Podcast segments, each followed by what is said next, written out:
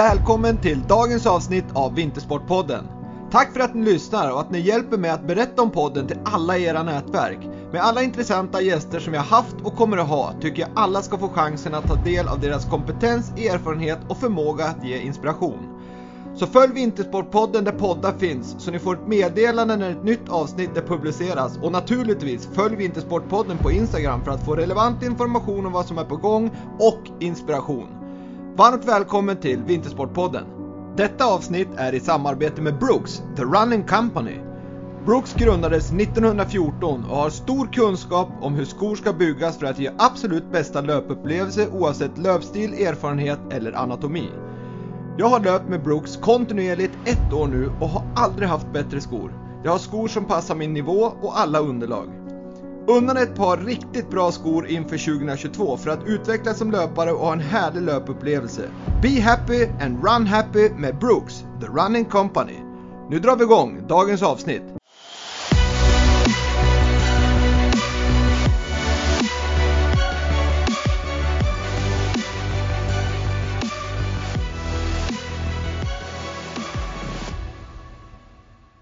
Dagens gäst i Vintersportpodden, mannen med grymma restauranger, tv-program och ett antal kokböcker. Varmt välkommen till Vintersportpodden, stjärnkocken Niklas Ekstedt.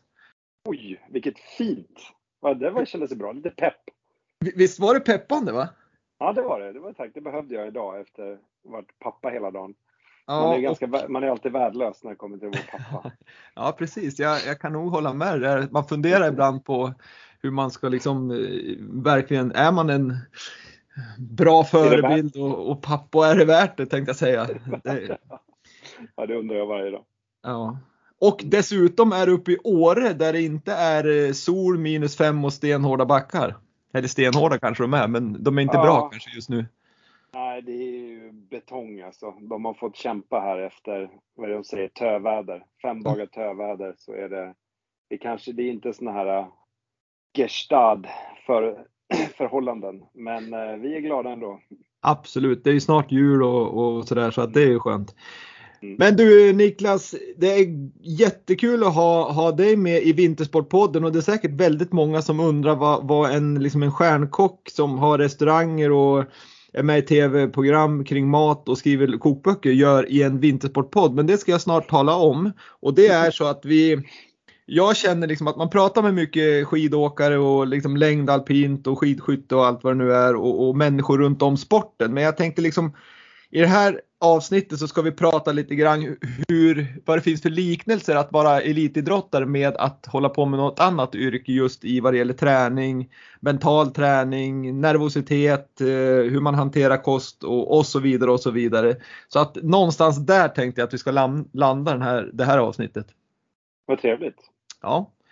Men vi börjar med bakgrunden tänker jag, för, för hur som helst så har du ju ändå en ganska stor koppling skulle jag säga till skidåkning och snowboardåkning och så vidare för att du föddes i Östersund där du växte upp och flyttade till Järpen och sen har du ju en bakgrund som, som vi kan gå in på som du själv får berätta för den har ju varit lite flackande vad jag förstår. Mm. Men det är ändå Järpen som är hemma på något sätt. Ja, det är det alltså? ja, jo det är det. och Järpen ska vi säga ligger ju två och en halv mil fr från öster om Åre. Mm. Det är, men, jo, men det är hemma. Det är där som är hemma. Men hur, hur såg det ut då? Du var i Järpen och vad var anledningen till att ni flyttade sen med familjen? Eh, nej, alltså mina föräldrar höll ju, höll ju på med kanotsport, med forspaddling och eh, de drev ju Årefors, mina, äh, min pappa. Mm. Eh, och eh, var, eh, min pappa var ju pionjär inom kanotsporten och forspaddling. Eh, och eh, de eh, flyttade ju upp från Stockholm då till Åre på mitten av 70-talet eller början av 70-talet för att driva med, med Åre kommun hade ju massa olika initiativ för att få igång sommarverksamheten här i Åre. Och, eh, och sen föddes jag då 78 Eh, och så bodde vi, och då började pappa utveckla kanoter och, och forspaddlingskanoter och hade, byggde en fabrik först i Järpen där han tillverkade kanoter och sen byggde de en fabrik i Polen där de tillverkade kanoter. Och sen när jag var en 8-9 år så bestämdes mina föräldrar för att flytta ner till Skåne för att vara närmare den där fabriken i, i Polen för det fanns inte flyg och sådär. Så det var jobbigt för dem att pendla ner till Polen till den här fabriken. Så då flyttade vi till Skåne några år och sen eh, bodde vi i England i två år och sen när jag började åttonde klass eh, så då var, var jag väl en 14, 13-14 år. Då eh, flyttade jag in hos jag vantrivdes överallt, både Skåne och England och så jag längtade till Järpen, till mhm. Åre. Jag gillade snön och vintern så, där. så att eh, då fick jag flytta in hos mina föräldrars bästa vänner då, Rune och Birgitta Lindström. Så när jag gick i åttan, nian där, då flyttade jag in hos dem och var inneboende hos dem. Då har vi eh, någonting ja. ganska gemensamt. Jag har inte varit inneboende hos Rune och Birgitta, men jag var där väldigt mycket när jag gick skidgymnasium. Och då ska vi mm. säga roligt med Vintersportpodden att Rune är ju en av de som har vunnit flest individuella SM-medaljer i alpint ska jag också säga. Det är ju kul. Mm. Och sen drev han ju då Avanti alpin så han var ju pionjär inom vikkäppen och ja, mm. inom alpinsporten. Och, och även barmarksträningen ska man inte sticka under stol med. Han har ju väldigt tidigt med att dra igång mycket barmarksträning och Mm. Även än idag är det flera skidcolleger som använder sig av hans barmarksträning som han utvecklade på skidgymnasiet. I Kör du mycket Järpen. ute på Tossön där i, Jär, mm. Järpen med skidgymnasiet där? Det var, mm. ja, det var kul att du tog upp det faktiskt. Mm. Så det är lite, lite vintersport. Nej, så då, så då bodde jag där och eh, ja, så det är ju som mina liksom plastföräldrar då, eller hjälpte, eller de var ju väldigt snälla och trevliga då, mm. hjälpte mig. Och sen eh, och då äh, åkte jag ju mycket snowboard. Det var ju min sport som jag höll på med och då ville jag vara kvar i Åre och sådär och då fanns det en restaurangskola i Åre som man kunde gå på. Man var ju tvungen att välja en linje. Det fanns ju inget snowboardgymnasium på den tiden. Så då, ja, då började jag restaurangskolan för att göra någonting. Jag åkte snowboard och pluggade. Och ja, det var där. Det var då jag började laga mat. Och, och det var alltså just den här restaurangskolan, var det liksom mm. Gick folk den för att man verkligen bli, ville bli, alltså jobba inom restaurangbranschen eller var det ett sätt att komma till Åre och få åka skidor? Det var nog väldigt blandat tror jag. Eh, det var nog många som såg sin framtid i restaurang sådär, men framförallt var det väl många som ville komma till Åre och få en chans att komma hemifrån och gå på ett gymnasium på annan ort. Mm. Eh, sen har ju liksom restaurangskolan i Åre skolat väldigt många berömda kockar så här i efterhand. Mm. Eh, och ja, Magnus Nilsson på Färviken gick ju där och jag gick där. Ja, det är en ganska lång lista, duktiga restauranger ja, som har gått i skolan. Har du bra var, kontakt med många därifrån? Eller? Väldigt bra. Jag har kontakt med skolan också. Och så där. Tyvärr så tappade de sitt riksintag för några år sedan. Eh, så lite grann den där USPen på restaurangskolan i Åre har ju fallit. Men um, den uh, finns fortfarande kvar och det är vissa lärare som jobbar kvar som jag hade faktiskt för Kul. drygt 20 år sedan. Det, är en, uh, det var en fin skola. Mycket bra minnen från, från den tiden. Men vad var det som ändå liksom drog det mot, du säger ju själv att du var väldigt intresserad av, av snowboard och kanske till och med hade kunnat tänkt att gå snowboardgymnasium. Men vad var det som gjorde ändå att du lockades av eh, vad ska jag säga, restaurangbranschen och, och framförallt kockyrket?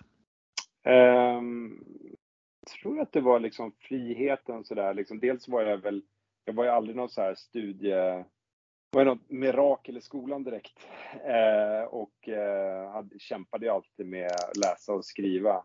Så uh, det drogs väl till friheten att uh, inte ha ett, inte, att det var inte akademiskt och sen också att um, Eh, jag kunde lära mig laga mat. Jag tänkte så här, ja, jag kan ju åka till olika skidorter och så här, åka snowboard och laga mat. Mm. Man hade ju, ja, jag tänkte väl att det skulle kunna vara någonting så spännande att, att göra. Ja men det, det låter som, som, eh, jag har fått en beskrivning faktiskt av eh, hon, hon du pratade om tidigare, Birgitta som, som, som är din, vad ska jag säga, plast eller extra mamma. Hon, hon mm. sa just det där att när du kom upp till dem som 13-14-åring så fanns det väldigt stort intresse att vara med och laga mat och någonting hon irriterade sig väldigt mycket på det var att du jonglerade med äggen och, och, och hon tyckte att det var onödigt att leka med mat medan du var jävligt liksom på sådär. Ja, um, jag var ju en, jag hade mycket energi när jag var liten. Ja, Nej men just det där hon sa ju och, och, det är väl någonting som du är känd för fortfarande att du liksom är väldigt intresserad och, och glad person liksom som, som har energi och, och det är ju någonting som, som både Rune och Birgitta har, har liksom verkligen bekräftat. Mm. Men, men... De, eh, det var, men det, jag tror att det var ju lite så här och det, det är klart att det är ju, jag tror att vissa personer, jag tror framförallt Rune och Birgitta och, och även mina föräldrar så här, de, var väl, de såg ju att jag hade liksom, även om jag inte var duktig i skolan så var jag ju väldigt entusiastisk och väldigt glad och väldigt, hade mycket energi och sådär. Så uh, det var väl att alla försökte väl hitta någonting för mig att göra sådär. Uh, mm. Men restaurangskolan blev ju verkligen, framförallt sista året på restaurangskolan blev verkligen en räddning för mig. Uh, då, det var då jag verkligen började laga mat och tyckte det var kul. Ja, men det låter som härligt, men du beskriver också att pappa din var liksom en entreprenör och, och, och, och pionjär inom, inom um, vad ska jag, forsränning eller paddling mm. sådär mm. generellt. Och, och, eh, hade fabrik nere i Polen och, och sådär. Men, men sen var väl även din, din morfar liksom en, en entreprenör inom arkitektur, alltså i, och mm. inreda fartyg och så vidare. Är, är det någonting som du känner att du har fått som genetiskt eller vad jag ska säga, eller är det någonting du har växt in i med tanke på att du har levt det här livet, liksom flackat runt lite grann. Du har varit i England, du har varit i Helsingborg och så vidare. Hur, hur, liksom, hur ser du på det? Jo, men det tror jag. Alltså, morfar var ju en eh, skeppsinredare eh, och arkitekt och ritade mycket restauranger och sånt. Så det är klart att det var ju väldigt kul när man var liten och var med honom och besökte restauranger och fartyg och sådär. Och ehm, så det var ju såklart spännande att få, få jag fick ju väldigt, i ung ålder fick jag ju se liksom vad olika platser på jorden och vad arkitektoriskt kan förändra en restaurang och sådär. Och sen mm. var ju, han, var ju de även, var jag, var jag även eh, de med när jag öppnade mina första restauranger och hjälpte till med inredningen och så. Ja, fasiken var kul ja. alltså.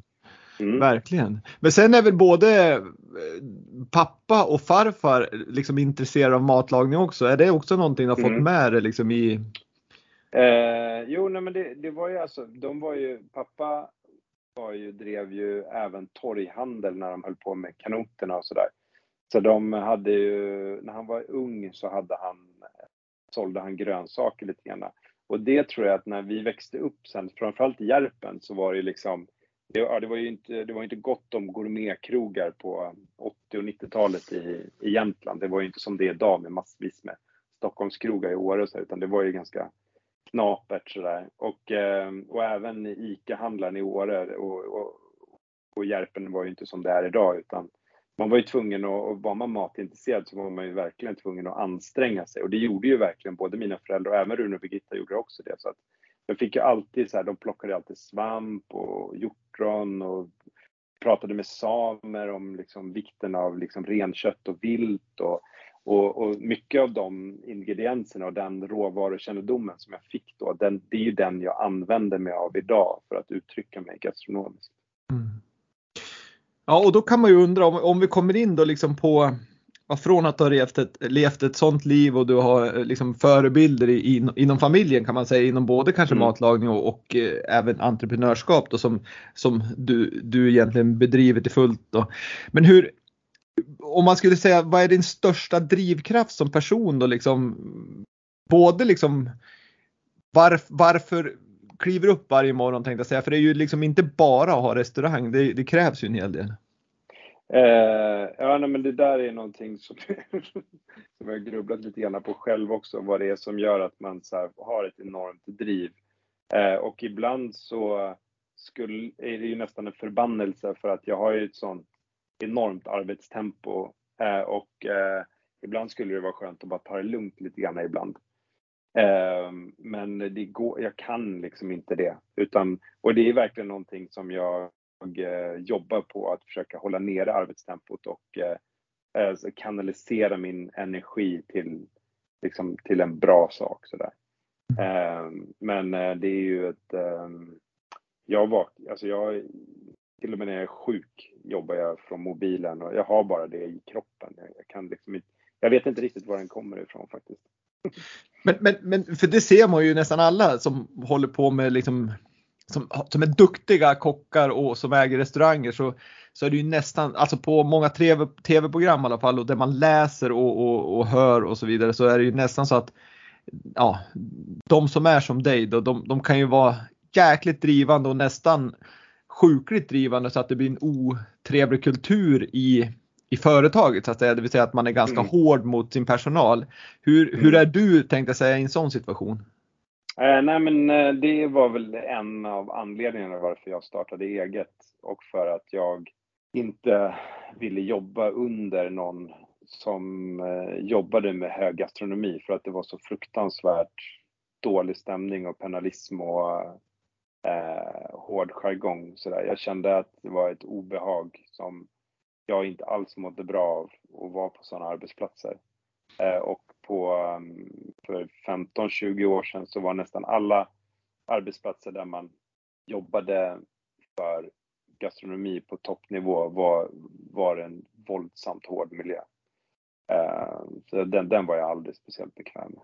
För du beskriver någon gång där när du slutade på restaurangskolan så, så tog du ju praktik på någon väldigt känd restaurang.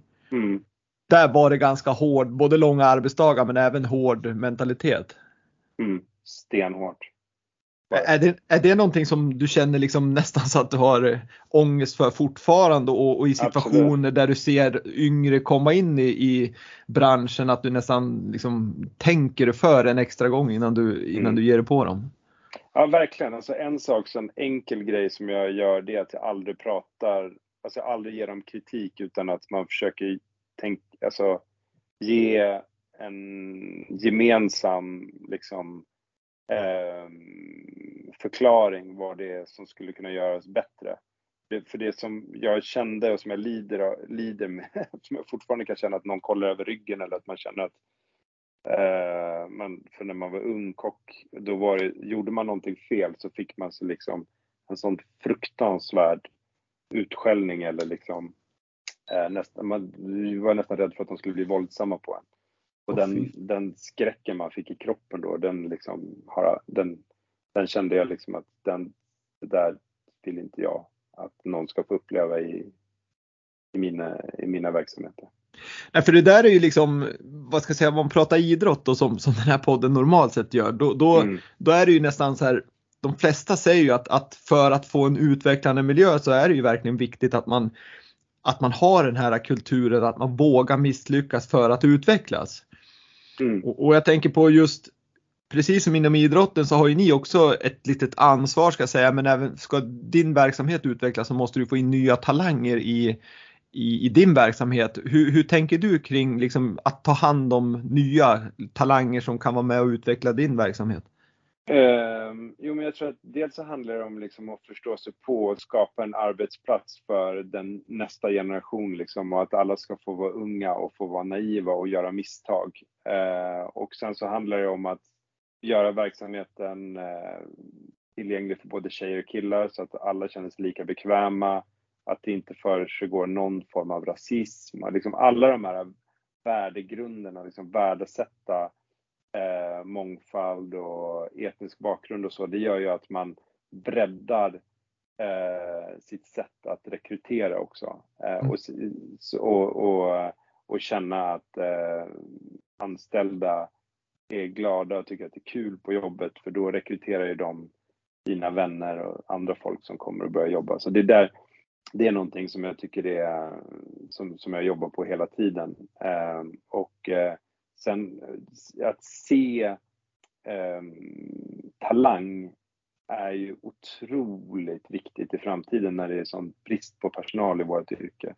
Så eh, att låta folk utvecklas och få, få, ta del av sin, eller använda sig av sin talang eller det, det de har lärt sig på andra restauranger, det är verkligen någonting som jag försöker se till som man gör. Och det, det är svårt för då måste man ju liksom, du kan ju ha liksom, jag har ju liksom 20 då, års erfarenhet av branschen. Så kommer det in någon med två års erfarenhet och så ska jag låta den personen, utan att mina eh, förutfattade meningar eller mina idéer om vad som har gjorts ska ju inte kanaliseras på den här personen utan jag måste låta den blomma ut och utvecklas.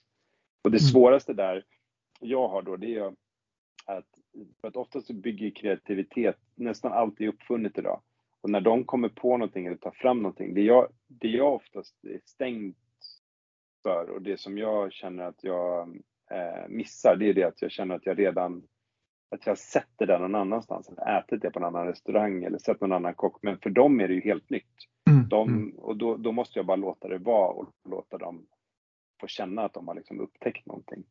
Mm. Så uh, det där är inte helt lätt alltså. Jag tror att det är därför alla stora grejer uppfinns och alla stor, den största kreativiteten är ju hos människor som är under 30 år.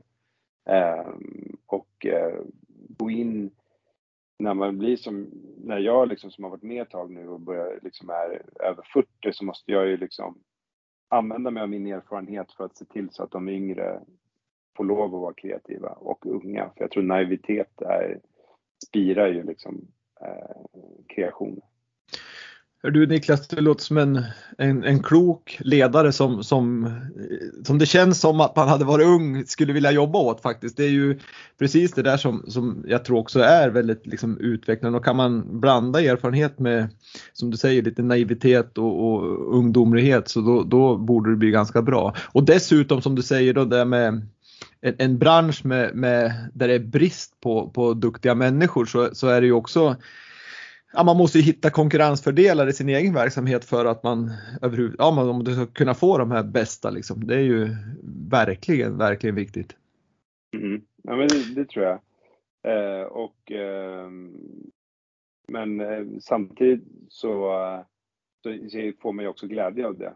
För att mm. när de träffar rätt, då är det ju min verksamhet som, man, som tar del av deras kreationer. Så det, ja, Ja, verkligen. Men vi ska komma in lite mer på, på just det där vad som händer i verksamheten. Men först så ska vi som börja att du, du hade ju en, liksom ett tidigt genomslag där med, du startade ju en krog i Helsingborg när du var 21 år som hette Niklas.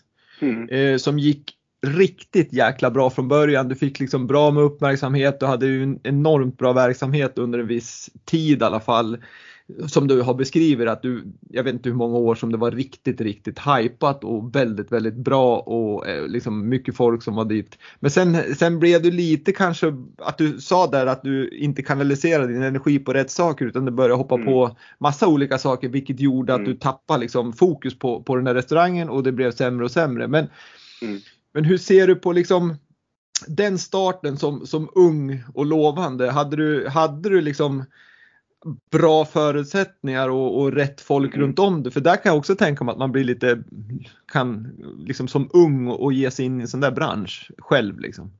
Ja, nej men det var väl också, jag kom ju liksom från en blixt från klar himmel. Det var ju liksom ingen som hade, kände till mig eller förväntade sig att jag skulle öppna restaurang och eh, ja, nej, men det var ju så otroligt mycket saker som eh, var liksom förvånande kring liksom den där öppningen och starten på min restaurang. Eh, och eh, det var ju mycket tack vare att mina föräldrar då kunde vara, de var ju superstöttande i min liksom, restaurangöppning och hjälpte mig med både med pengar för att kunna öppna restaurangen men de var ju också liksom hjälpte till med, alltså med allting med, därför att min pappa då framförallt var ju hade drivit företag i många år och kunde hjälpa mig med företagsbiten och sätta upp bolag och allt du kan mm allting förutom matlagning hjälpte de ju mig med. Eh, och sen så gjorde vi ju, och sen så var jag ju väldigt ung och gjorde ju en mat som jag ville göra och sådär. Så när Matrecensenter då kom så var det ju väldigt så här, vad är det här för någonting? liksom, vad, vad hände liksom? Eh, och jag kom ju snabbt upp på listor och blev uppmärksammad och sådär. Så det var ju väldigt, var ju väldigt kul sådär. Eh, men där när jag var liksom, och det, som du sa, jag var ju bara 21 år och så, men redan då när jag var 30, då hade jag drivit restaurang i 7-8 år och kört öst på, men kände ändå att jag kom fel på något sätt på slutet av mina 20, där början av 30-årsåldern. Så här. Då kände jag, eller då hamnade jag väl lite av en liksom så här identitetskris sådär, hamnade jag i absolut. Men, men jag tänker liksom, det, det, det, här är ju exakt samma, det är det vi är ute efter lite grann i det här poddavsnittet. Mm. Att, att du, du liksom, du tränar hårt om jag säger så och du jobbar Mm. hårt och du liksom hade succé. Sen, sen tappar du fokuset och precis som en idrottare som tappar fokus och så vidare då, då brukar det synas i resultatlistan. Men, Mm. men där kan jag känna liksom att tittar man precis som när jag presenterar dig så har du ju restauranger, du är eh, tv-kock, du har kokböcker och ja, du ska ju driva som ett stora företag med massa anställda. Men vad är, om du nu ska fortsätta vara så här liksom framgångsrik i, i att driva restauranger men ändå göra väldigt bra tv-program både i Sverige och London och, eh, liksom och så vidare och skriva kokböcker. Hur, hur får du ihop det liksom? Eller, eller väljer du att fokusera på en sak och, och så får det ge det andra? Ja, precis. Jag menar, egentligen det som hände liksom när efter som Helsingborgsrestaurangen och när jag stängde ju den när jag var bara 20, vad kan det vara, 28, 29 år gammal. Vilket är ju helt sinnessjukt. Eh, och jag kände att jag var klar med det där och, eh, och, då, han, då, och då var det några år när jag var liksom väldigt sökande och jag visste, jag visste inte om jag skulle sluta laga mat eller om jag skulle börja bara vara tv-kock eller om jag skulle bara vara gourmetkock eller du vet, så här, det var lite men eh, då tog jag beslutet att bara rensa helt, inte göra någon TV, inte göra några kokböcker, eh, inte synas i media utan då satsa helt och hållet 100% på en liten gourmetrestaurang.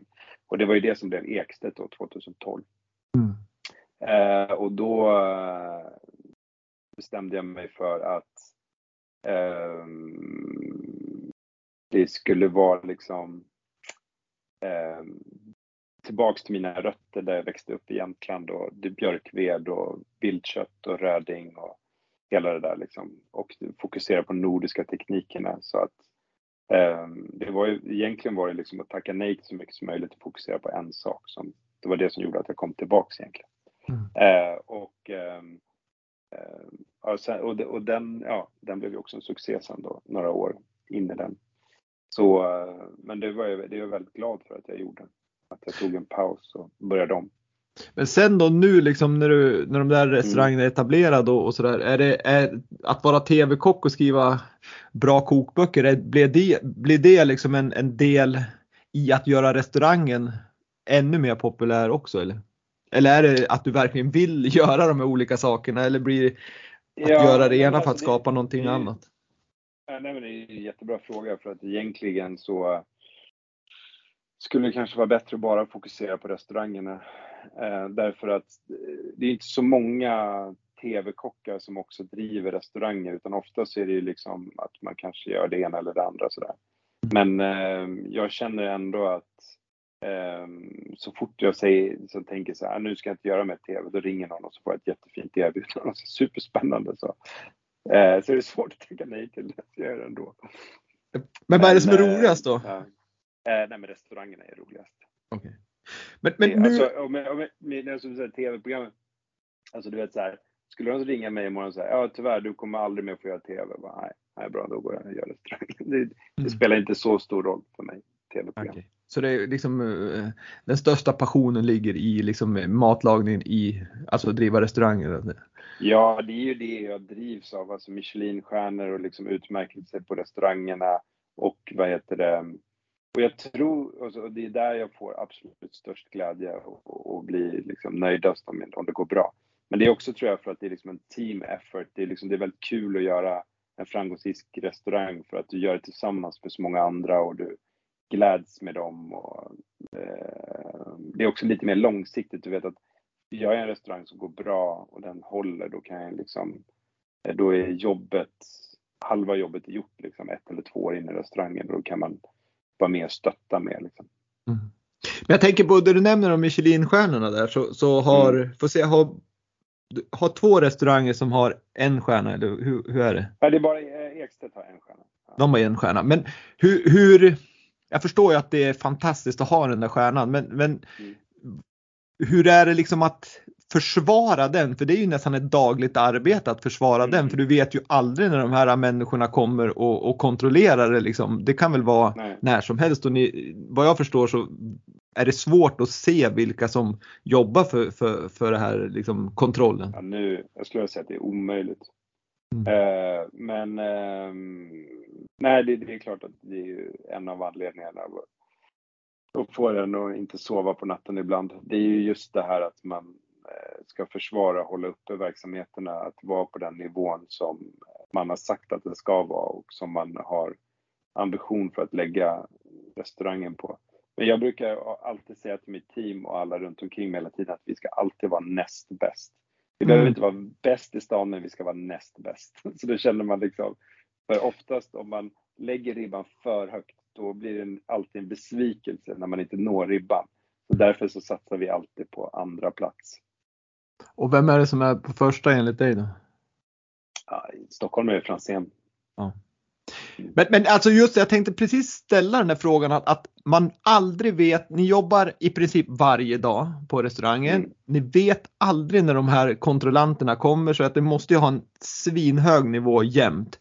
Hur lyckas mm. man liksom motivera den här personalen? Jag menar det är ju inte bara att gå och säga här har ni lön 3 miljoner. Liksom. Det är ju, pengar är ju inte liksom det som ofta lockar en utan det är ju någonting annat som gör det här drivet i, i personal och ja, allt man jobbar med så är det något driv man måste ha. Det är inte pengar man liksom kan trycka på med alltid. Men hur, hur, och du är inte där så du måste ju ha någon restaurangchef som är där och manar på ändå dag ut och dag in. Ja, nej men alltså det är såklart, det, jag skulle säga att 60% av min arbetstid går åt till just detta. Mm. Eh, och det handlar ju om att framförallt rekrytera nyckelpersonerna eh, restaurangchef, köksmästare, sommelier eh, och se till så att de skapar en lugn och, och en eh, arbetsro. Eh, men sen är det en, en, en, annan balansgång som jag tror inte kanske så många utanför branschen kanske förstår riktigt, men det handlar ju om hur hårt ägarna trycker på hur många gäster de vill ha in. Eh, därför att när man, alltså personal är väldigt, kan ju kontrollera en restaurang. Så att om du har liksom ett högt tryck på en populär restaurang, så att du har, du har bestämt att du ska köra 100 gäster om dagen. Mm. Men det är 150 gäster om dagen eller 200 gäster om dagen som vill komma till din restaurang. Så det väldigt lätt som restaurangägare att bara, fan vi trycker på lite till, vi kör 160 gäster ikväll istället för 100. Och, då, och det är ju nästan alltid, eller det är ju för att få in mer pengar och tjäna bättre på verksamheten. Eh, och, eh, och då trycker man ju sin personal hårt och anstränger den hårt. Eh, och eh, där är ju, det där skulle jag vilja säga är liksom ett sånt instrument som man kan använda för att få sin personal att må bättre. Kanske inte stressa sönder sig. Det är att man håller nere gästantalet eller frågar dem hur många gäster de tror att vi kan göra per kväll. Men där, det där är alltid en balansgång. Mm. Ett teamwork helt enkelt som, som mm att få alla liksom att känna inspiration. Men, men jag tänker, det finns ju förmodligen en, ett regelverk att ska man ha en guide, en, en Michelin-guide så, så ska, det, ska det vara på det här viset med, med allt vad det nu är. Men, men hur mycket kan du styra där liksom och säga att nej men jag vill på den här restaurangen då ska det vara den här typen av mat och vi ska servera på det här sättet för att det ska vara enligt mitt sätt att göra det på. Men acceptera de som kontrollerar det utifrån vad, liksom, ditt sätt att jobba eller, eller måste man rätta in sig i ledet? Eh, förr så var man nog tvungen att rätta in sig ganska mycket i ledet men det har ändrats mycket nu senaste tiden faktiskt. Så att det blir mer och mer att man ska eh, verkligen uttrycka sig personligt och originellt på tallriken och maten. Eh, och göra, när man är i sin genre så ska man göra den på absolut bästa nivå. Eh, och eh, Michelin föryngras och de lämnar ju ibland lägg. De visar ju ibland ett sånt Michelin-ID-kort och berättar att de är från Guide Michelin och mm. att de mhm. har ätit mat och vill ha lite följdfrågor om det är någonting de undrar över. Och det gör de och efter då såklart? Det, ja, och det som eh, förvånar oss nu Eh, de senaste åren, det är ju att de har ju också de har lyckats rekrytera väldigt mycket bredare i Michelin också. Det är, innan så var det typ en farbror från Storbritannien eller Frankrike som såg ut som en, du kan tänka dig en Michelin-inspektör ser mm, ut. Mm, mm, en rund, glad man i 60-årsåldern med slips. Eh, idag är det, kan det vara vem som helst. skulle jag vilja säga. Så det är bra för dem egentligen att, att det blir bredare, alltså det blir ju förmodligen ja. bättre bedömning men det blir jobbigt för er då som, som inte kan räkna ut det där. Nej, det går inte. Men går det liksom när, när de, din personal håller på att servera och laga maten och så vidare, blir det liksom ibland så här, fan nu är det nog någon här som kontrollerar oss. Blir det ett snack i restaurangen när man tror på att det är någon där eller? Ja, det blir det ju såklart. Det, det, ibland, ibland kan man komma in och säga så här, hovmästaren kommer och säger så här, jag är helt säker på att 60 måste vara Michelin-inspektör. Eh, och eh, sen så när de ska betala så är de ju liksom försäljare från IBM från München eller någonting. så det är svårt. Då har ni gått all in där, men då får ni bra reklam om ett annat och då lär de tipsa dem. Men, men men, men det jag tänker liksom som, som, jag älskar ju mat så men jag är ju inte någon sån här liksom, ja, gourmand som, som, som är superduktig på, på, på den, det sättet att laga mat eller liksom inte heller springer man och äter på de här restaurangerna jämt. Men, men hur, vad är en bra restaurang för dig? För jag misstänker att, att liksom, för dig är det ju någonting annat än bara smakerna som, som är liksom bra. Ja, nej, men det är klart att vi, alltså jag gillar ju att gå på restauranger där man blir utmanad och där det kanske är en maträtt som jag inte hade tänkt på eller man får någonting väldigt oväntat som ändå som funkar ihop liksom. Um, så det, det, tycker jag, det tycker jag är väldigt, väldigt spännande när det är saker som är eh, nytt. Eh, och jag älskar att gå till, om vi pratar om ungdom innan, jag älskar att gå till nya kockar, unga kockar, nya restauranger som precis har öppnat så där, där de sprudar av energi och entusiasm och vill testa nya saker så där, och testa gästerna. Eh, det tycker jag är kul. Ja, det förstår jag. Men, men, men när, när du liksom utvärderar en, ja, en dag på restaurangen, är det, skulle du säga att det är viktigare att de har gjort enormt liksom, fina kreationer på tallriken än att det är tipptopp smak? Mm, det skulle jag. För mig är det det. Ja. Jag, tycker, jag tycker det är kul så här. Jag, jag, jag menar, jag är så här jättekonstig gäst, så jag tycker det är kul när jag går på restaurang och det är riktigt äckligt. uh, det, det, är liksom för mig det är bara så här. Var, varför är det här så? Alltså varför? Är, alltså ibland är det så konstigt som man bara, vad, vad, vad, hur har ni tänkt här? Eller vad är det liksom? Vad är idén med det här liksom? Alltså det är klart att få en äcklig spagetti bolognese som, är, som det är fel på. Det är klart att inte jag tycker det är kul, men få in en, bolognese, en spagetti bolognese som jag liksom så här, hmm, fan vad konstigt det här är liksom. Varför är inte det här gott? Och sen kanske det blir gott vid tredje tuggan och sådär. Jag tycker det kan vara ett, ett problem ibland i Sverige idag att allting ska vara så jävla gott hela tiden. Det ska alltid vara så här saftigt och ostigt eller ja, det, det ska vara sött och salt och surt och gott hela tiden. Jag tycker det, kanske, det är lite, ja. strävt. Men då kanske det är som så att bara det finns en tanke med det, att man, att man har gjort någonting med en tanke, är det det som attraherar dig lite grann? Mm. Mm. Ja, man har tänkt längre än att det bara ska vara gott. Mm. Men du Niklas, eh, om vi ska återgå till karriären och, och, din start där som 21-åring och det gick jättebra. Men sen gick det ju inte lika bra när du liksom fick ditt första TV-uppdrag där du skulle hoppa in som, som eh, vad ska jag säga, vikariat för mattiden om jag inte missminner mig. Så, det var ju en eh, föräldraledighet faktiskt. Ja just det, så var det. Och, och då fick du inte liksom bara ros i, i, i tidningarna och så vidare. Hur, hur, hur kände, jag tänkte, hur kände du då? För jag menar det är också typiskt sån här koppling mot idrotten. att som en idrottare som har laddat för ett OS och så går det inte riktigt bra, då kan man ju som lägga sig ner och dö eller så bestämmer man sig för att knyta näven och kämpa mot nästa OS. Hur, hur var det för dig? Ja, det var väl ett uppvaknande sådär. Alltså det var väl det, det största uppvaknandet var nog att jag eh, alltid, alltså jag var hyllad sådär när jag var ung och eh, hade väl inte riktigt haft någon jobbig period egentligen i hela mitt liv, förutom kanske några tjejer som hade gjort slut eller sådär. Men det var ju liksom inget, jag hade ju ingen, eh, egentligen ingenting som hade varit något sånt trau, trauma sådär. Eh, och eh, då när jag fick de där första tv-recensionerna som bara, oj vad ska jag skriva för bra om mig idag då? Nej, nej det här var ju liksom typ död och tängel och sådär. Men um, nu, och det har nog satt sina spår fortfarande. Jag tycker fortfarande det är väldigt jobbigt att läsa om mig själv. Men du gör, du gör ändå? Mm, gärna inte. Um, ibland, blir man ju, ibland hamnar man i det eller man blir tvungen att läsa någonting. Men jag försöker undvika det. Men, men vad, vad, var det ändå som, har du så pass bra liksom självförtroende och självkänsla så att ja, ja, skitsamma, det gick åt helvete, jag lever och jag är fortfarande Niklas Ekstedt. Jag, jag knyter näven och går vidare eller funderar du någon gång där på att aldrig mer TV? Ja, um, det, men det går över efter ett dygn ungefär så blir man ju revanschlysten.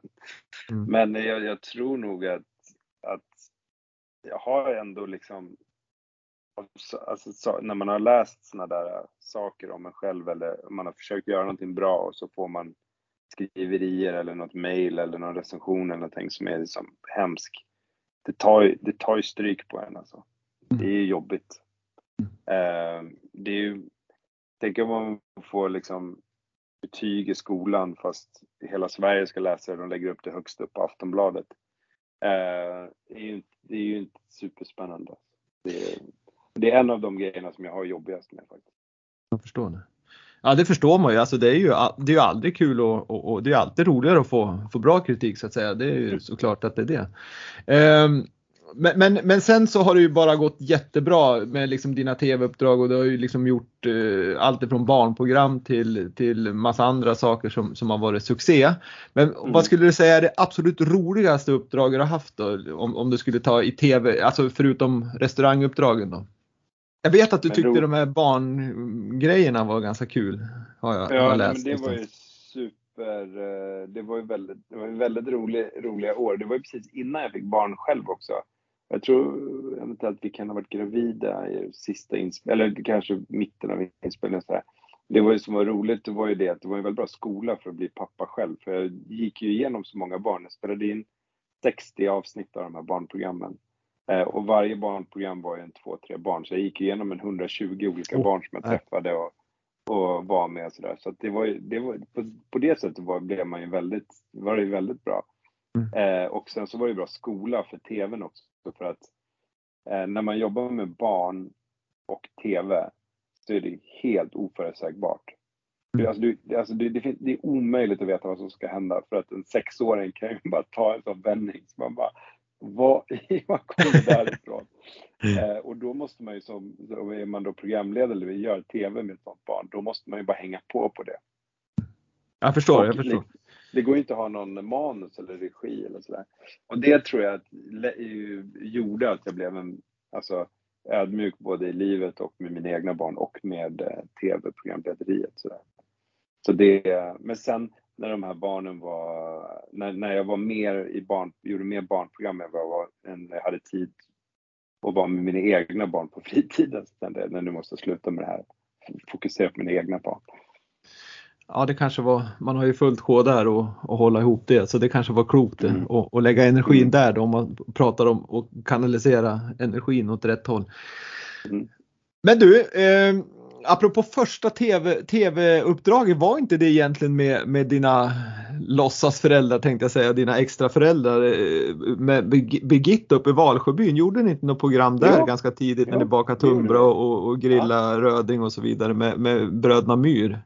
Absolut, med Fredrik och dem ja. Absolut. Ja, de är fantastiska. Eh, och eh, sen var ju faktiskt Magnus Nilsson och gjorde sitt sommarprat därifrån också. Jaha. Eh, hemma eh, från Myrs. Eh, och eh, nej, men det är en otrolig plats, Valsjöbyn. Om ingen har varit där så rekommenderar jag att inte åka dit. För man vill ju inte att folk ska, för många ska komma till Valsjöbyn. för det är en, en, platsen är ju helt magisk bara för att den är orörd. Mm. Men eh, Rune och Birgitta har, har ju sitt sommarhus där så jag var ju där väldigt mycket när jag var liten. Ja, för jag tänkte, och, där körde ni ju lite tunnbröd och ni, och ni mm. grillade över eld. Var det någonstans där ditt liksom intresse för, för, för just det här, mm. inte ska jag säga, råa, men du grillar ju idag på dina restauranger också, mm. liksom över öppen eld. Liksom, har det funnits med från den tiden? Ja, ja absolut, det är klart. All, eh, alltså, alltså 100 procent. Mm. Eh, och eh, jag gjorde en smak precis nu för Lundgrens snus. Mm. De ville att jag skulle jobba i smakarbete med dem. Och då höll jag på och jobbade med en smak. På, och jag snusade inte själv, utan jag jobbade bara i deras doftlab med olika smak och sånt. Och sen när jag var klar med den så frågade de mig vad den he heter, smaken. Och då sa jag, att ja, den heter Valsjön. För att mm. det var liksom, det var mina dofter från när jag var liten med när det var gjutjärnspannor nere där och de gjorde liksom, man fick smöret från, eh, från Myrs och du vet så här. Eh, så, så, det sitter, alltså allt egentligen därifrån sitter väldigt starkt i mitt, eh, i min, både mitt kreativa hjärna men också i min doft och smak och sådär. För att jag tror att jag var liten, jag var ung sådär, jag var så här 12, 13, 14 år när jag var där. Jag tror att många ens sinnesbilder och mycket av ens minnen är så otroligt starka de där, i den där åldern. Jag tror att det är därför man oftast går tillbaks till musik också, som man lyssnade på mycket när man var i de där tidiga tonåren. Eh, för att det sätter sig och, och, man kommer ihåg mycket bättre från, dem, från den tiden. Jag kan ha liksom massvis med människor jag träffat i 30-årsåldern som jag inte kommer ihåg vad de heter, men jag kommer ihåg alla som jag träffade när jag var 14, 15, 16. Eh, och, eh, då, då, och då var vi mycket i Valsjöbyn och vi åkte mycket skidor där och, och längd och var på våren och hösten när samerna kom med sina renar och sådär. Så det var enormt starka minnen för mig. Vad idylliskt. Jag förstår att du flyttade tillbaks till ja, eller Jämtlandsmiljön där i alla fall när du var mm. 14 bast och ja. sen att, att du inte bor där nu men, men du, du tillbringar ju mycket tid där uppe så det förstår ja, jag. jag. Men du, det, jag, ska, ja. jag, ska vara, det, jag ska sluta min, eh, mitt liv det är i Järpen. Jag ska gå ner där och ljuga med gubbarna i byn och du får ta över någon pizzeria där då och så kan du börja göra lite pizzor.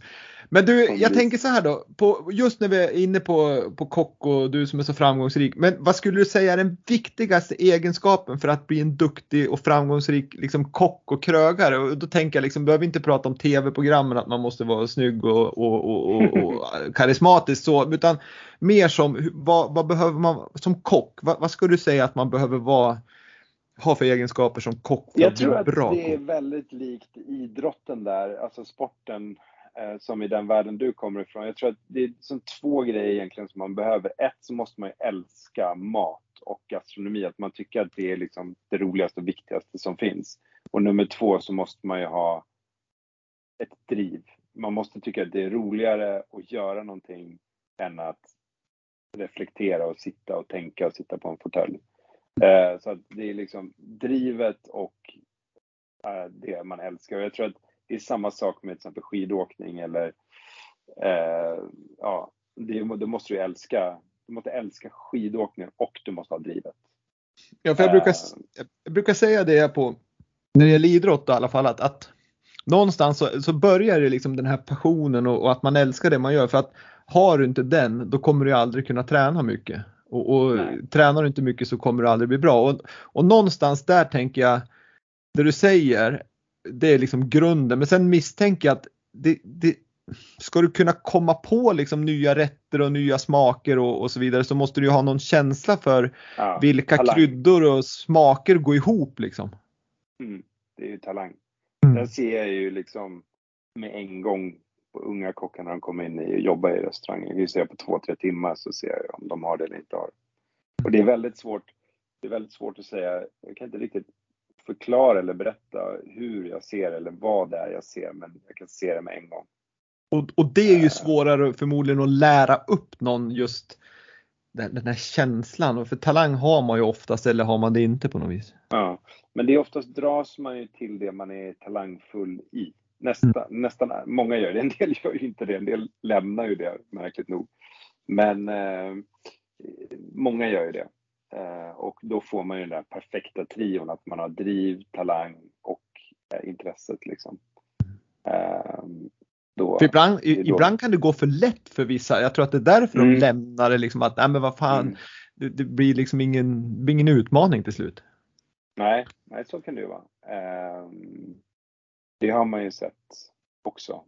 Mm. men eh, men vi, ja, det, det, så är det. Men jag skulle säga så här då, om vi, om vi, då har vi fått reda på liksom egen, driv, eller egenskaperna hos en, en duktig kock. Men, men sen då, liksom, om du, nu återigen till kopplingen mellan idrott, för idrott är det så enkelt för mig att relatera till, för där vet jag liksom att man tränar, åker du längdskidor eller alpint så har du ju träning och så sen ska du på något vis göra en examen och tävla och se det gott och så får du gå tillbaka och träna och så vidare. Men inom, mm. inom ditt yrke då, hur, hur, hur tränar man som kock? Är det liksom, står man på dagarna när restaurangen är stängd och, och testar massa olika saker eller hur, hur en duktig kock hos dig, är de på restaurangen när de har stängt dem eller kommer de bara dit ja, men, när ni öppnar? Uh, nej, men alltså jag brukar oftast säga det, eller jag brukar oftast när jag liksom så coachar yngre kockar och så, när de ska liksom hur, hur de ska bli, du försöker förklara att de ska försöka bredda sitt yrke så mycket som möjligt och träna, eller träna eller laga mat så mycket på så många olika genrer så att man flyttar runt lite så att man ska vara på en plats alltså, tillräckligt länge för att man lär sig hantverket. Men när man kan det så måste man flytta vidare till nästa hantverk och lära sig det. Så att man inte fastnar i en sak utan att man flyttar runt lite och breddar sitt liksom, kunnande. För att om du, om du hamnar och jobbar för monotont och bara gör en sak, en sak hela, hela tiden. Då, då lär du inte tillräckligt många olika saker. Och sen utmanar dig själv för att oftast så är det ju sånt att du tror inte att du kan. För att du aldrig har provat det eller att du backar av. Så många gånger så måste du bara kasta dig in i det. Men, men, men jag tänker på i ett kök, där, speciellt ett kök där, som, som i dina kök som är så himla liksom, bra restauranger, det, det, det, förväntas väldigt mycket. Liksom. Har du specialister där, där ba, liksom, du, du jobbar bara med liksom, kallt och du jobbar bara Nej. med såser och du jobbar bara med grillen? Nej, det har vi inte riktigt. Det enda vi har som när man verkligen behöver en specialist, det är typ choklad och så här. Mm. Eh, när, när man ska ha någon som är väldigt, men Annars har vi samma personer som alternerar både liksom i det varma och i det kalla och grillen och sådär. Och vi snurrar vår personal ganska mycket också så att du får du lär dig allting men också att eh, du säkrar upp om det är någon som är dålig eller någon slutar och sådär så att man kan hoppa in i de olika stationerna. För det lärde jag mig när jag var i Frankrike. Också att alltså en sån verksamhet som där alla gör bara en grej. Och, eh, och Eh, är ju, eh, de, de snöar ju in på någonting. Ja, och sen måste det ju vara jäkligt tråkigt att, att bara stå och köra samma sak. Det måste ju vara ett sätt för din personal att liksom både som du säger utvecklas men även då liksom få en, en, en liksom ja, men mer rörelse i, i sin roll så att säga så att man inte står och bara viker servetter i en hel dag. Ja, exakt. Men, men, men, inte, inte bara liksom tråkigt utan det kan ju rent ut sagt bli bara farligt att bara göra monotont en sak hela tiden. Det kan ju vara, du kan ju få en arbetsskada av det också så det är mm. bra att snurra personalen så mycket som möjligt.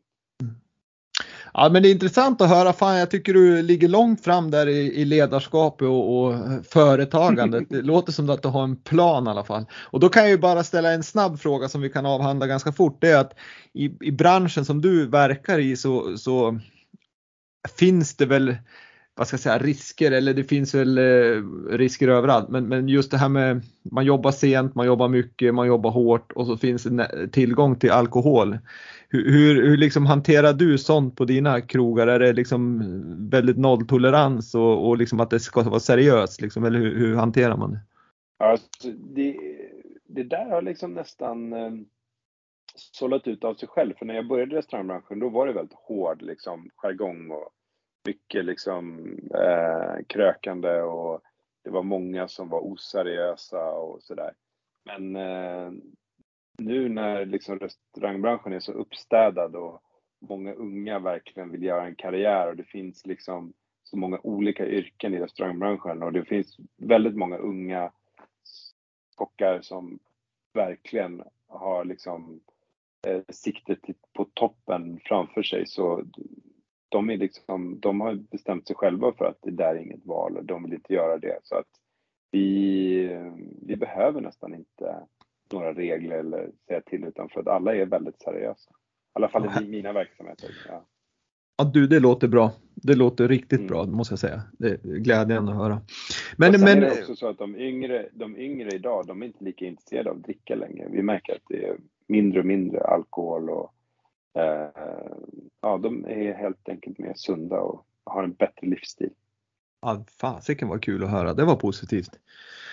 Mycket bra jobbat där. Men du, jag tänker också, så det jag sa precis att det är ju pressat yrke. Det är liksom speciellt när man har en så bra restaurang som, som du har. Det, det, liksom, det förväntas mycket. Det ska vara fint, det ska vara god mat, det ska komma alla runt ett bord på 12 pers ska få sin mat samtidigt. Eh, ja, you name it. Det, det, är liksom, det är mycket tryck och, och press. Hur, mm. hur, hur hanterar dels du då som ändå ska stå bakom det här men även då kanske vissa personer i din i, i din liksom, organisation, liksom det här med mental träning, för det har ju blivit väldigt populärt inom idrotten att, att liksom, träna mentalt lika mycket nästan som man tränar fysiskt. Men hur, mm. hur hanterar ni det där? Är det någonting ni jobbar med för, för att få eh, fokus? Ja, nej men absolut. Jag menar, det är klart att dels, det viktigaste såklart, det är ju motion och träna och så. Alltså kunna liksom göra det på sin lediga tid och må bra. Men jag har börjat, personligen som jag försöker få över på mina anställda ganska mycket också, det är olika andningsövningar. Um, och jag tror att det funkar väldigt bra för mig. Uh, och jag jobbar med det varje dag, med min andning. Mm. Har du, eh. har du lärt dig själv eller går du hos någon som, som lär dig en speciell teknik? Nej, jag har läst lite, jag har läst lite böcker och, och, och Youtube och så, så jag blir självlärd på det. Så jag vet inte hur bra det är att självlära sig. Men, men och sen har jag väl gått, var på någon kurs i New York någon gång och sådär också. Mm. Men eh, för oftast, problemet är när man jobbar i en stressig miljö, en stressig bransch som vi gör och man presterar högt och man har högt arbetstempo och sånt så går liksom andningen in i en, i en negativ spiral eh, och att man andas för hårt och dåligt och så eh, eh, han, blir, blir stressen sämre och så mår man dåligt av det. Så eh, man måste stanna upp och se till så att man andas på ett bra sätt. Eh, och det funkar väldigt bra för mig. Har, det, det, är en, en bok, en enkel titel, heter Breathe. Ja, det var enkelt. Och eh, den rekommenderar jag om man är intresserad av andning och köpa. Mm. Väldigt bra. Men, men sen är det, ja, jag tycker det här är jäkligt intressant, ja, liksom att, att, att just prata om, om eh, ditt yrke kopplat till, till idrott. För tittar man nu så, så skulle jag nog ändå säga att det mesta är liksom ganska likt i, i hur man tänker, i hur man vad ska jag säga, tränar och hur man jobbar och så vidare. Så, så är det ju liksom egentligen, det är ju skillnaden är ju bara vad man gör, att någon lagar mat och någon åker slalom eller längdåkning eller vad det nu än är. Jag tror absolut, jag tror det, den stora skillnaden är liksom att i idrotten och i högpresterande så prester, dels så presterar man ju väldigt kort tid i sin ungdomsår. Alltså det finns såklart sådana som Zlatan som spelar fotboll på hög nivå mm. när de fortfarande är 40, men det väl ganska ovanligt. Ja. Eh, vi håller ju på mycket längre och sen så är ju, vi har ju de här um, behöver inte prestera just på ett OS eller ett VM, utan vi, har hel, vi, måste, vi måste hela tiden, vår eh, maskineri måste vara igång konstant hela tiden. Men eh, så jag tror den närmsta sporten egentligen jag skulle vilja jämföra toppgastronomi med, det är typ Formel 1 egentligen. Mm. Eh, det är ganska likt. Men, men hur, som du beskriver här, hur, hur länge orkar man hålla på liksom? Kommer Niklas mm. Ekstedt mm. hålla på till han är 70 eller orkar man hålla på till man är 45 och sen får man börja tänka på något annat? Um, eller byter jag, man inriktning kanske? Kanske, men jag tror nog att jag skulle orka typ 10 år till. Mm. Ja, för jag kan tänka mig att det blir ju så otroligt och dessutom då när man har som dig att man har så liksom flera ben att stå på, då blir det ju många som drar en och, och, och många liksom aktiviteter. Men sen är det ju hela tiden pressen när, när, man har en restaurang som heter sitt efternamn, då, då är det klart mm. att man, du vill ju liksom inte höra att det är dåligt liksom. Nej, men vi öppnade ju nu i augusti öppnade vi en Ekstedt i London, som en mm. toppkrog i London med allt vad det innebär. Och det, det, var, och det, det höll ju på att gå i stöpet då för ett och ett halvt år sedan när pandemin slog till för då skulle vi öppnat för, ja det skulle varit igång för två år sedan då egentligen. Men där hade du väl tur att du hann blåsa av det så du slapp sitta med hyresavtal i, ja. i massa år? Ja exakt, exakt. Och sen så kom vi igång nu i augusti, men nu har vi tyvärr pandemi igen så nu är det trubbel igen. Men, men, men det var en, vi fick ändå en bra öppning i år, i som, sen somras. Och då, och då sa jag till min fru flera gånger, så blås av det här en gång till så kommer jag inte orka. För det är sånt enorm press första tiden med öppningen i London. Så att jag kände att, det kände jag verkligen att där var en åldersgräns på det. Jag skulle, jag skulle, ja, jag orkar nu men jag kände att jag skulle inte palla helt enkelt om några år. Var du där mycket då och liksom var i mm. köket och härja? Mm. Mm. mm. Jag förstår det. det. blir ju liksom, ska man komma in där också då, liksom, och vara toppkrog i London så det finns ju några att välja på där misstänker jag. Mm. Exakt, så det var ju en hård, det var ju som väldigt hårt. Och, eh, det kände jag, det, där kände jag verkligen att det var, en, det var ett ålders, det var, det var ett åldersdatum på det. Mm. Ja, det förstår jag verkligen. Men du, innan vi liksom ska försöka avrunda det här mm. avsnittet så skulle jag liksom ändå vilja liksom utifrån ditt perspektiv, nu, nu har ju du jobbat och har stor erfarenhet av mat och, och liksom utvecklat, det har ju gått ändå på de här 20 åren så har det ju liksom hänt en del med men dels kosten har ju blivit, mycket har blivit bättre och, och man har ju börjat prata hållbarhet kanske mer och, och liksom mm. kött eller inte kött och så vidare. Men väldigt mycket om man tittar och läser i tidningar och, och allt vad man kan läsa det är ju liksom olika metoder hur man ska bli smal och man ska inte äta kolhydrater och man ska äta bara fett och det är liksom massa olika liksom sätt att, att se på det här. Men hur, hur är ditt sätt om jag pratar för att må, må bra. Hur ska man äta för att må bra och, och liksom få energi, håll, kan hålla fokus och liksom vara igång och träna och jobba? Vad, vad är ditt liksom råd? Då? Det, det viktigaste, viktigaste tror jag när det kommer till kost och äta, alltså äta rätt och äta mycket, det är ju att man inte är petig i maten utan man äter allt. Mm. Eh, om du ska få en allsidig kost så är det ju så att människan, vi Homo sapiens, vi har utvecklats liksom, i miljontals år för att vi är allätare. För att vi, är, vi har över, människan har överlevt och är den vi är för att vi kan äta en bred mängd olika saker. Så att alltså dieter tror jag generellt är helt värdelöst. Mm. Eh, för att man smalnar in och väljer ett kostspår som är väldigt farligt för att vi är inte utvecklade för att äta en sak. Och det är därför den hela den, den, den låg kol, alltså lite kolhydratskost, liksom en, en sån här GI-diet eller sådär. Mm. Därför vi förlorar vikt snabbt då. Det är ju för att kroppen helt enkelt tror att den håller på att dö liksom, för att vi har, får inte i oss någon, det vi brukade få i oss, som vi åt bara en sak. Eh, så att jag tror att det viktigaste är ju liksom att vi äter mycket grönsaker, mycket plantbaserat, få i oss en bred färg, mycket olika färger. Eh, och att vi äter lite kött, lite fisk, men mycket grönsaker. Och att vi äter mat som vi tycker är gott. Och att vi kryddar maten så att man får en får livsnjutelse varje gång man äter. Mm.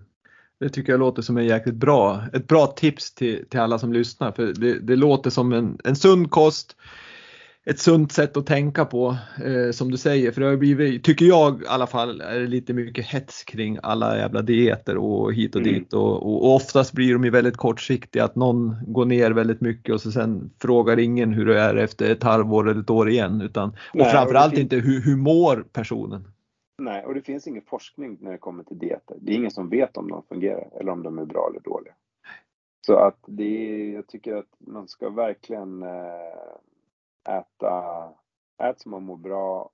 Det är som idag till exempel, idag har jag en sån här stressig dag med ungarna. Mina kids kör, åker mycket skidor så att mm. eh, då, har, då har jag liksom, var jag uppe tidigt i morse för de skulle iväg på slalomträning och då käkade jag bara något vitt bröd och sen hamnade jag liksom, skulle käka lunch, då blev det bara någon macka och då kände jag, då har jag bara fått i mig vete hela dagen och inte äter riktig mat och då mår jag ju inte bra av det. För att jag har ätit för mycket vitt bröd hela dagen och mättat magen för att det var enkelt och snabbt att äta. Mm. Eh, och det är klart att det är ju inte bra. Eh, men eh, så, så att, och det, och det är ju det är för att jag äter för enformigt idag. Eh, mm. Så att det är, käka frukt, käka lite grön, käka grönsaker, käka lite kött, käka lite fågel, käka lite vilt. Så är du hemma. Hur, hur, är det att vara familjemedlem till en stjärnkock då? Är det som att vara skomakarens barn, att man inte får någon bra mat hemma liksom? Nej, jag försöker.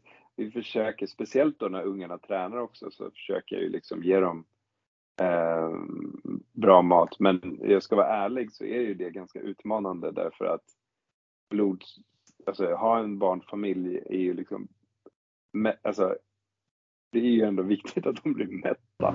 Det är ju såhär, bara, bara allt det där. Man vill inte ha ungarna med lågt blodsocker. Speciellt inte när de ska väga och träna eller träffa någon de inte har träffat innan.